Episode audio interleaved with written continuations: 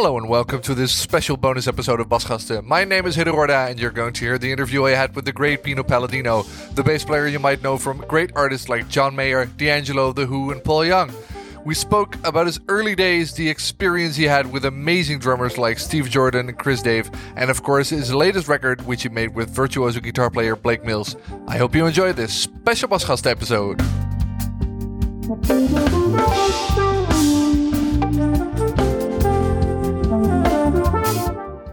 Hello. Hello. I got you. Sorry, I'm a little late. Yes, no problem. No problem. It's great. Great that you're here. Pleasure. Chief, the, the guy from the record company told me you were moving. Yeah, actually, I, you know, it's been a crazy, crazy week. Really crazy. So I'm in a hotel today. oh, um, really? Waiting for for the new place I'm going to move into to be uh, to, to be in a better state so I can move into Right. it. Well, he said it was going to look all messy and stuff your house, but but the hotel looks great. Yeah, though I, have no complaints. I'm in a wonderful hotel hotel in Los Angeles called the Sunset Marquis, where actually Wow. I've been coming here since the very early '80s. Um, so th- this place has a lot of history for me and my family. So it's nice. To, yeah. Right. It's it's amazing that you, that you could find some time for me and and and talk to me about you and your record, and I want to know all about it. And I would like to start with um uh well, my first question basically is uh you are 63 now. Why did it take so long for you to make this album? Why a, a- solo record now and not 20 or 30 years ago? I mean, the simple answer to that is um, I've been really l- so lucky to to have been kept busy through my whole career. You know, I, I would never imagine I'd still be, um, you know, working on on, on records to the Mhm. extent and touring with artists at this stage in my career. Um, I'm happy to do it, but I, I never imagined that. So, as I say, the short answer is that I've been so busy, I kept putting it off Yeah. and I've, and I've always, um, you know, I've, worked with some brilliant artists, and and that's yeah. kind of, it, it's been very satisfying. That side of my personality has been satisfied by being able to express myself through other artists' music. Mm-hmm. But I've always, uh, I've always been very interested in, in, in writing music and, and trying to express something through through tunes more than playing. Yeah. Uh, and I guess it's you know uh, better late than never. Of course, yeah. And now it's here, and I'm very happy it is. Uh, what struck me with uh, the first thing, first song you released was the the the opening track for the album, "Just Wrong," and on the record it says you use an acou- semi-acoustic bass. Can you tell a little bit about that? Because most people know you for the the the Fender Precision and the fretless Music Man and the Red Precision bass, but which bass did you use on that track? Yeah, I, like I said before, I could tell everybody, but I'd have to kill them. all right, all right, all right. uh, so, and tell me the story about the famous, the famous fretless Stingray. How how did you encounter the fretless bass, and why the Stingray? Well, um, I was interested in fretless bass before I got the Stingray, and before that, I had um, I had a Fender Precision fretless, um, which I then traded in for a, a really crappy old Kramer with Mhm. a metal neck, and so I had a little bit of history with, with fretless bass. But um, uh, I was in I was in uh, New York, and I was uh, touring. My first tour of New York was with an artist called Jools Holland, who Right. now has this fantastic TV show back home. Yeah.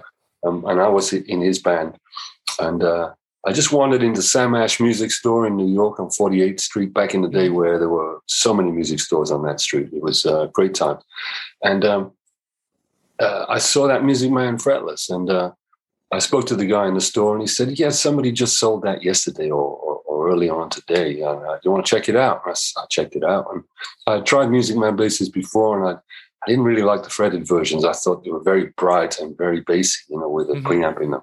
Um, but as soon as I picked up that particular fretless bass, it, it, it was uh, it felt like it belonged to me. I could play it. Uh, my intonation seemed pretty good on it, and, and I just bought the bass there and then.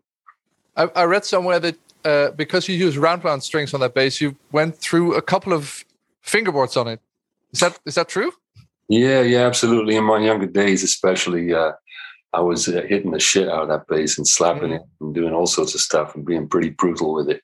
Um, yeah, and those round round strings, they, they do dig in. So I think oh, it's on yeah. Third. It's on its third fingerboard now. But now I'm a much more gentle player. So it looked that- like it. Yeah. yeah, I think that fingerboard should be around, uh, you know, for a long time.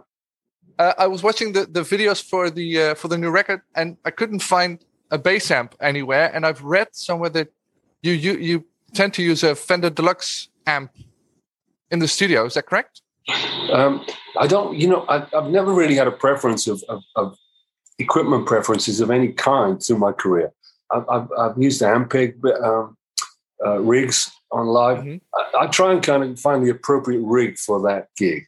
Um, yeah. in the studio, a lot of the time, I'll just go DI. You know, um, uh, uh, other times, like um, recording with Russ Elevado, for instance, um, on the D'Angelo stuff, um, we just literally had a B15 with a great mic on it. Uh, we didn't take any DI signal, so it varies from project to project. Yeah. Um, when we did um, the the live videos for for this rec- for this record that came out with me and Blake and Sam, yeah. I was using an amplifier that Blake had at his studio. He's got a very eclectic mix of amps and instruments, and this is called a Titano. Um, That's a uh, Magnatone uh, sub brand, right? I think so. Yeah. yeah, it's a very cool sounding amp. It's not. I mean, if I was going to play with a drummer, I probably wouldn't have been able to use that amp. But I don't think it's there's enough. It doesn't have enough power to compete with a drum kit. Right. But as we were playing with a trio, it just had a really nice quality to it. So I enjoyed using it. Yeah. It sounds great. Yeah, it sounds good on the on the on the stuff, right? It's an interesting sound. I think it has like a uh, not a chorus, but I think there's some kind of uh, pitch modulation that I had switched in on one or two of the songs. So. Ah, and and of course because Blake and Sam also both use the modulation effects, it gets gets this kind of floaty, chorusy vibe on it. Yes, absolutely. I mean, all the that you know that's a very uh, enticing sound in the, the chorus on, on various instruments that sort of natural chorus that happens between instruments sometimes it's, it's such a great sound and yeah i guess we all we all love that uh, i was rewatching the the i think for many people classic video of you talking about the bass line on wherever i lay my hat with the very enthusiastic uh, reporter which goes it's the sound of that song yes, um, yeah you mentioned that you don't read that you can't read music. How did the composition for Notes with Attachments work? Is, was it recorded ideas and back and back and forthing it with with with the other guys? How did that How did that work? Um, uh, do you mean in terms of how to communicate ideas? Yeah, because if I if I would compose something, I'd write it down or record it and send it to the other guys and go, "Hey, this here's a piece of sheet music. which you record it or check right, it out?" Right. Yeah, no, I, I, I, I don't actually. Um, I can, you know, I can follow a chord chart, obviously, and I could probably write a chord chart out if I if I wanted to. But um, yeah, I mean, there, there was not so much file sharing in this, right. uh, so much as me having stuff that I'd already recorded with Chris, and and and um, and then we worked on that stuff in the studio with musicians. So most of the time, all these guys they hear this stuff straight away. You know, you yeah. don't have to explain a note. Um, and, uh, and on a few occasions where I had ideas for uh, specific ideas for melodies or certain notes I wanted included in the voicings, because I, I, you know, I'm, I'm, pretty particular about about voicings of chords. I, you know, yeah. I can drive people crazy with that stuff. You know. Um, do, you, uh, do, you, have an example or of an occasion where that happened? Where someone just go, "It's an F major seven. What what what can I do with it?" Well, yeah. I mean, sometimes if I've if over the years if I've explained or if I show a, a guitar chord to somebody on a piano, um, they'll play a chord and, uh, and I'll say, yeah, but it's, I, you know, I want these notes in it too. And they'll be like, well, you know, it's the same chord though, right? And it's like, well, no, it's not the same chord. The, it, the same chord is the one with the notes, exactly the, the, the, the combination of notes that, that I'd like to hear. Right. Um, and that's a, you know, that's one of the things me and Blake, uh, one, one of the that's where me and Blake meet in, in, in a good way because we both seem to hear things the same. Yeah. You know, so the stuff he will add to a chord is the stuff I would have added to it, or you know, the upper extensions. We both hear the, hear them in the same way. Right. Um, one of the things that has always fascinated me in your playing is the ability to fill spaces in like there's a, regular pop song I was listening to Shoot Down the Moon by Elton John, which is you on fretless, I presume, but sounds like you.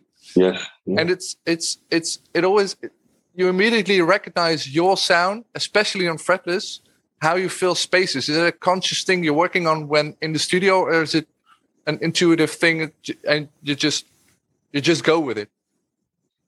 Yeah, that's a good question. I'm thinking about that now as, you, as, as you're asking that question. It's, I mean, some of my favorite music going back to my early days was listening to like Motown. Um, mm-hmm and and the way that the bass, you know, James Jamerson's bass would work with the vocal and the arrangement of the song. Sometimes you listen to you focus on the vocal, and then the, you know, the bass line will kind of continue the conversation or continue right. something that the vocal has done, and just just make it move nicely into the next section. Um, and I and I think I've always really loved that thing, and it's very natural to me when, for instance, on that song. I don't remember exactly now, but um, I do remember there were spaces in between Elton's vocal where it was just asking for some for some sort of statement, you know. Yeah. It was almost like he was asking a question and I could kind of answer it, you know. Um, so yeah, I think I think the bass guitar has a has a big role to define in songs from that perspective. You know, mm-hmm. actually supporting the vocal and, and offering some different suggestions sometimes as to how you how you hear the vocal with by the root notes and it has the the position of fret, I, I, always feel that the fretless i'm a big, very, very big fan of, of fretless in any style of music and i still have the feeling that it was there was this thing with fretless in the, the 80s and maybe the early 90s and then it deteriorated a bit and it, it it's gone a bit so i was very happy to see you on your fretless again i was like yeah it, it's back how do you how do you feel that the, the position of fretless bass or maybe melodic bass in general has changed over the years?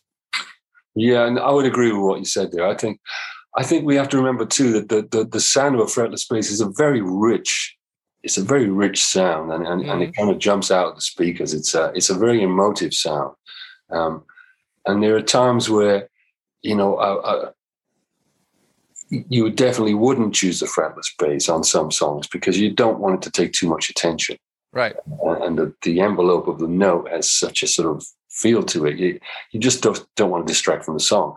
But there are times when where where if there's space, it's um there's nothing like it. You know, even if you play a very simple line on a fretless, you just get that that, like I say, the attack and decay of the note is yeah. different, and it just gives that song a totally different flavor. Um, yeah, and it's interesting for me because I hadn't played played much fretless at all. And Occasionally, people will say, "You want to try fretless on this?" And I'll go, "Yeah, sure." And you know, actually, you know, unless the music is kind of arranged in a way to give space to the fretless bass, it's not going to work. You know, I mean, back in the days of Paul Young, um, Ian Kewley, the, the amazing arranger with Paul Young, the way he would voice the the synthesizers and leave space, you know, in the sort of range for for the bass. Um, that was a huge part of it too. It didn't sound like the bass was kind of stealing anything from any of the, It sounded like it was filling the space that was already made for it. So basically, he was arranging with you in mind. Yes, uh, yes, he was. Yeah, and also if you listen, you know, obviously Weather Report and, and Jaco stuff. Mm-hmm.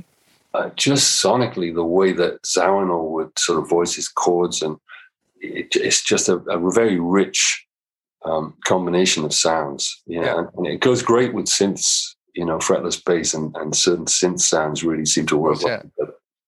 Now that you mentioned Jaco, of course you had your your your most uh, I think your breakthrough moment on fretless in the early '80s, and that was also the time where everybody knew who Jaco was. Absolutely. How conscious were you? I mean, I, I can imagine everybody who knew about fretless or was playing fret was like, "Yep, that's so do what Jaco does." was that a thing for you to do something else than he did? Yeah, yeah. Um, for, well, for one thing, there was no way I could have, have, have imagined getting anywhere near the level of Jaco. Of yeah. I, I, think I think no matter you know no matter how hard you practice and how much you want something, sometimes you can't get there. Uh, yeah. I knew that at an early age. People like Jaco are very rare. They come along and they just they shine so brightly, you know. Um, so it's impossible not to be influenced for me um, by, mm. by his style and some of you know the way he, like harmonics for instance did, did did any bass players really know about harmonics to that degree before Jaco? the answer is don't no. think so no no I mean maybe Pat O'Hearn I know Pat O'Hearn was messing with that stuff early on but um, yeah so he just opened up the door and really it's it's how you walk through the door right do you do you walk in and go you know hello I'm going to steal all this shit or do you just use facets and try and make them your own? You know, that's the that's the whole thing. And I think for me, it was important not to try and sound like him with the with the bridge pickup. Right. Um, and you know, his influence was so huge at the time that it was, uh, it, it, you know, it's a tricky thing to maneuver. Really, you know, just playing fretless bass, you're going to compared to Jaco, which is not a good thing for any bass player. well, especially not when people go, "Yeah, it's a bit like Jaco, but it's not as good." It's yeah, exactly, exactly, yeah. Um, um, but yeah, yeah I, I, think for me, what what enabled me to um, to express that stuff back in those days was you know the style of music I was playing in. So that was different. I was playing in pop music with vocalists and, and, and found a way to to to you know express myself through the fretless bass with the with the pop sounds. Right. Um, and over the years, you've done. I, I think nobody can count the records you're on, uh, but still somehow, whether it's on the fretless or the classic Fiesta Red Precision, there's always this distinctive everybody can hear when it's you. You have a very distinctive way of playing. Uh, are you, especially in the studio, uh, uh, very conscious of okay, I want to, I want this record to sound like me. So how do you make sure that it sounds like, or is it just it, it's me, so it sounds like me? Yeah, I think the latter. Actually, I'm not. I'm not. Yeah, it's it's hard for me to to be able to hear what other people hear in my playing. So right. I've, I've had a. I've heard that that said by by people over the years that they can tell when it's me playing. And sometimes I think, well, how? Because all I'm doing is like playing root notes with maybe one passing note, but there's obviously something I'm missing. Yeah. Um, that, that people are hearing. Yeah. So you've never gone back and and and and, and analyzed. Okay, maybe it's maybe it's that that uh, that single note or that lick or there's no no signature you're putting on your records consciously. No, no, absolutely not. No, I mean, I think if anything, uh, there, you know, there are obviously things I hear within chord sequences, like where you know, I, I, I could probably think of many different ways of of expressing, you know, bass line through a standard chord sequence. I've learned right. to do that. So maybe that's what people are recognizing. It, it's just my identity through the way that I navigate through the changes. Right. Um, you're working Chris Dave on the new record, and you've been working with Steve Jordan with when, when playing with John Mayer. Somehow, I, I I hear a similarity between those two drummers in their approach of drumming. How do you find the difference between those two guys when just like laying playing a groove in like yeah, Angelo I mean, or a John Mayer concert? I mean, both of those guys are just incredible. I mean, right. You know, I'm so lucky to be able to play with so many brilliant drummers. Um, the two guys you mentioned, Steve Jordan, me and Steve go back so long. I mean, back to the early 80s when we were started working on stuff together and we became really great friends.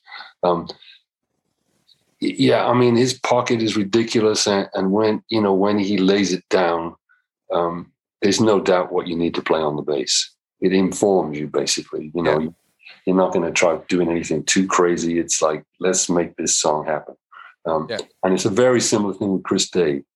Um, Chris Dave will come up with, you know, really unique, uh, unique beats and just the, the, interaction with him and the rest of the music. He's, he's playing some pretty intricate stuff sometimes, but I'm always informed as to what to play. I never think about.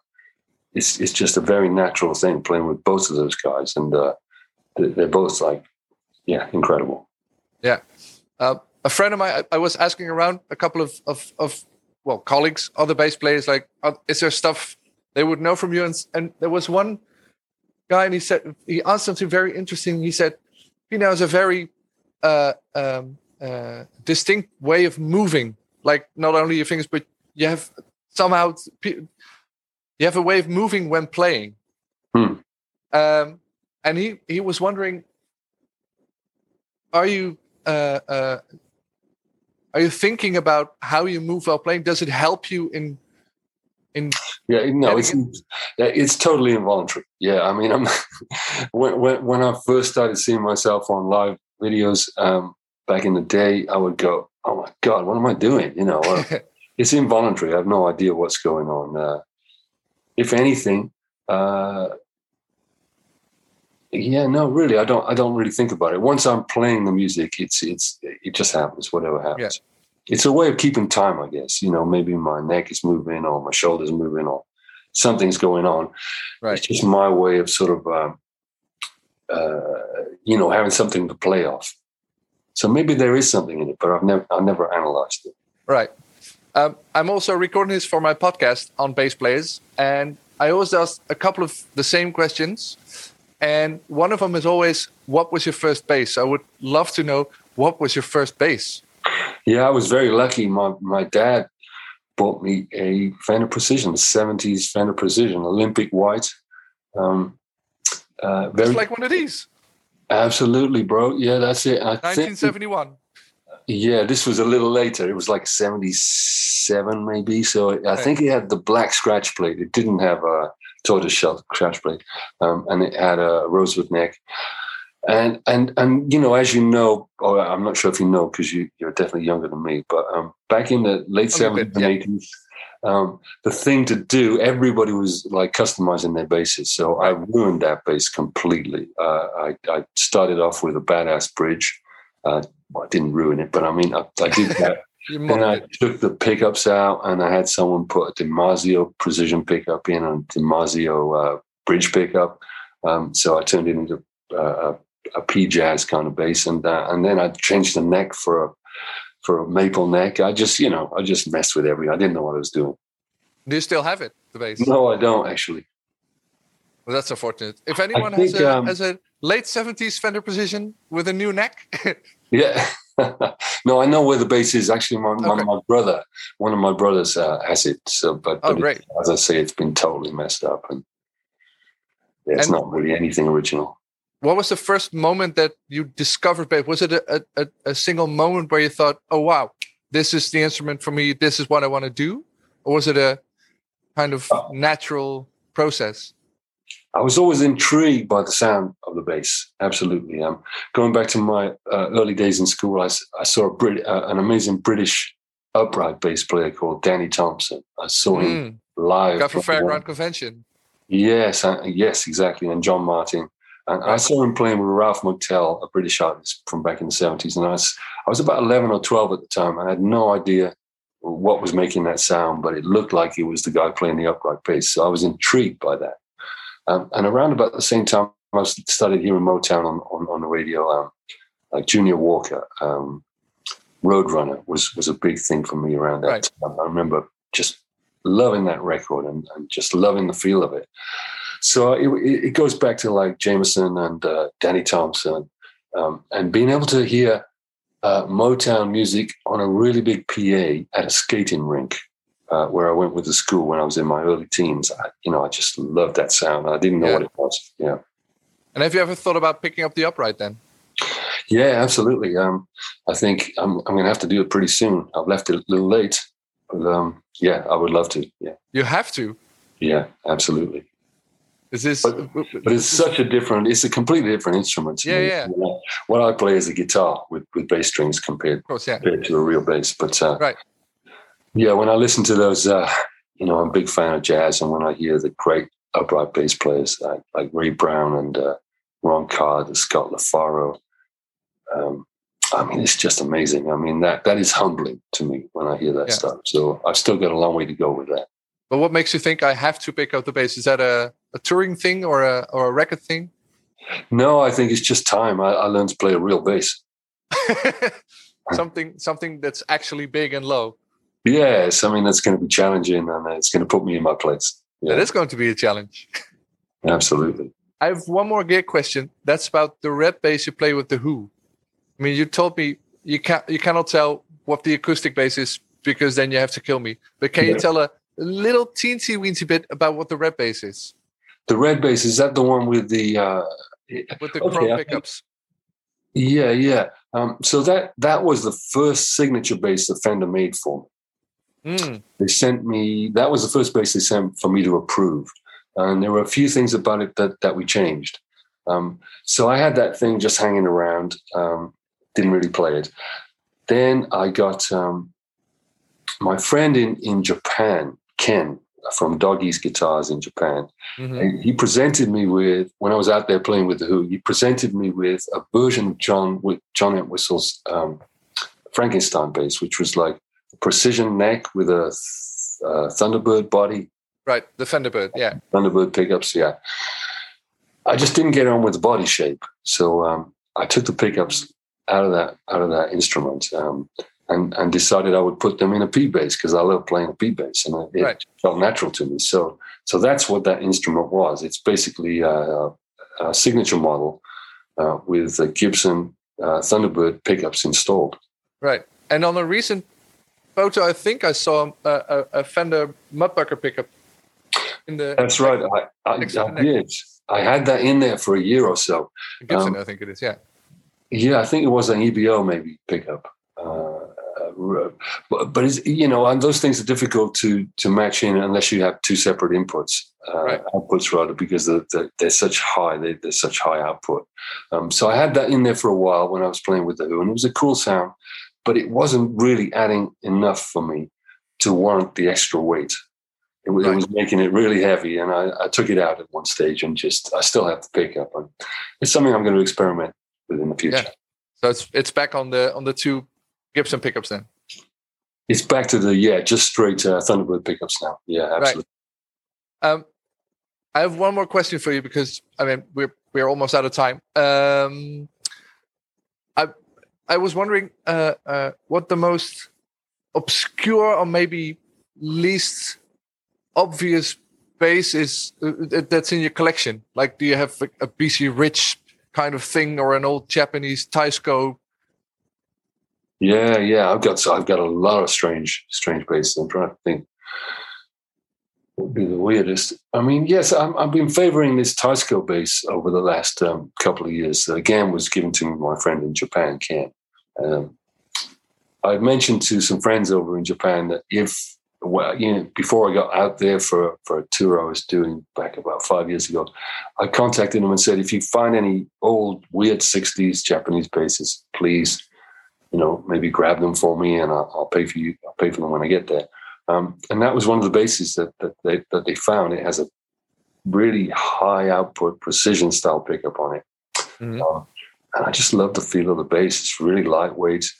Um, so I installed, I got Ruben, uh, Ruben Cox at um, Old Style Guitars in LA to put in a guild pickup in the bridge position.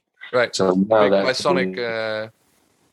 Yes, yes. So now it has a little more definition. So yeah, that's fun. I'm always searching for sounds that are slightly different. Cool. You know, I want to thank you so much for talking to me for the last 30 minutes. Pleasure. Uh, good luck with the move. I hope it's over quickly that you thank can you. get into your new house. Congratulations on the new record. I love it. And uh, I hope to see you soon on, on tour somewhere. Excuse me. That's the alarm. Fantastic. Uh, thank you. That's thank my next interview. Thank you very Thank much, you. and I, I, hope to see you out there when we when we finally get to play live. That will be awesome. Thank you. Thank you. Bye bye for now. Bye bye. Thank you for listening to this very special bonus episode of Basgasten. Basgasten is made by me, Hidde Roorda, and powered by The Bassist, the magazine for the Dutch and Belgian bass player. The music here is by Tyranny Flock. Check out more episodes of Basgasten on Spotify. That's B A S G A S T E N. Find the podcast on Facebook and Instagram and leave a review on Apple Podcasts. Thank you for listening.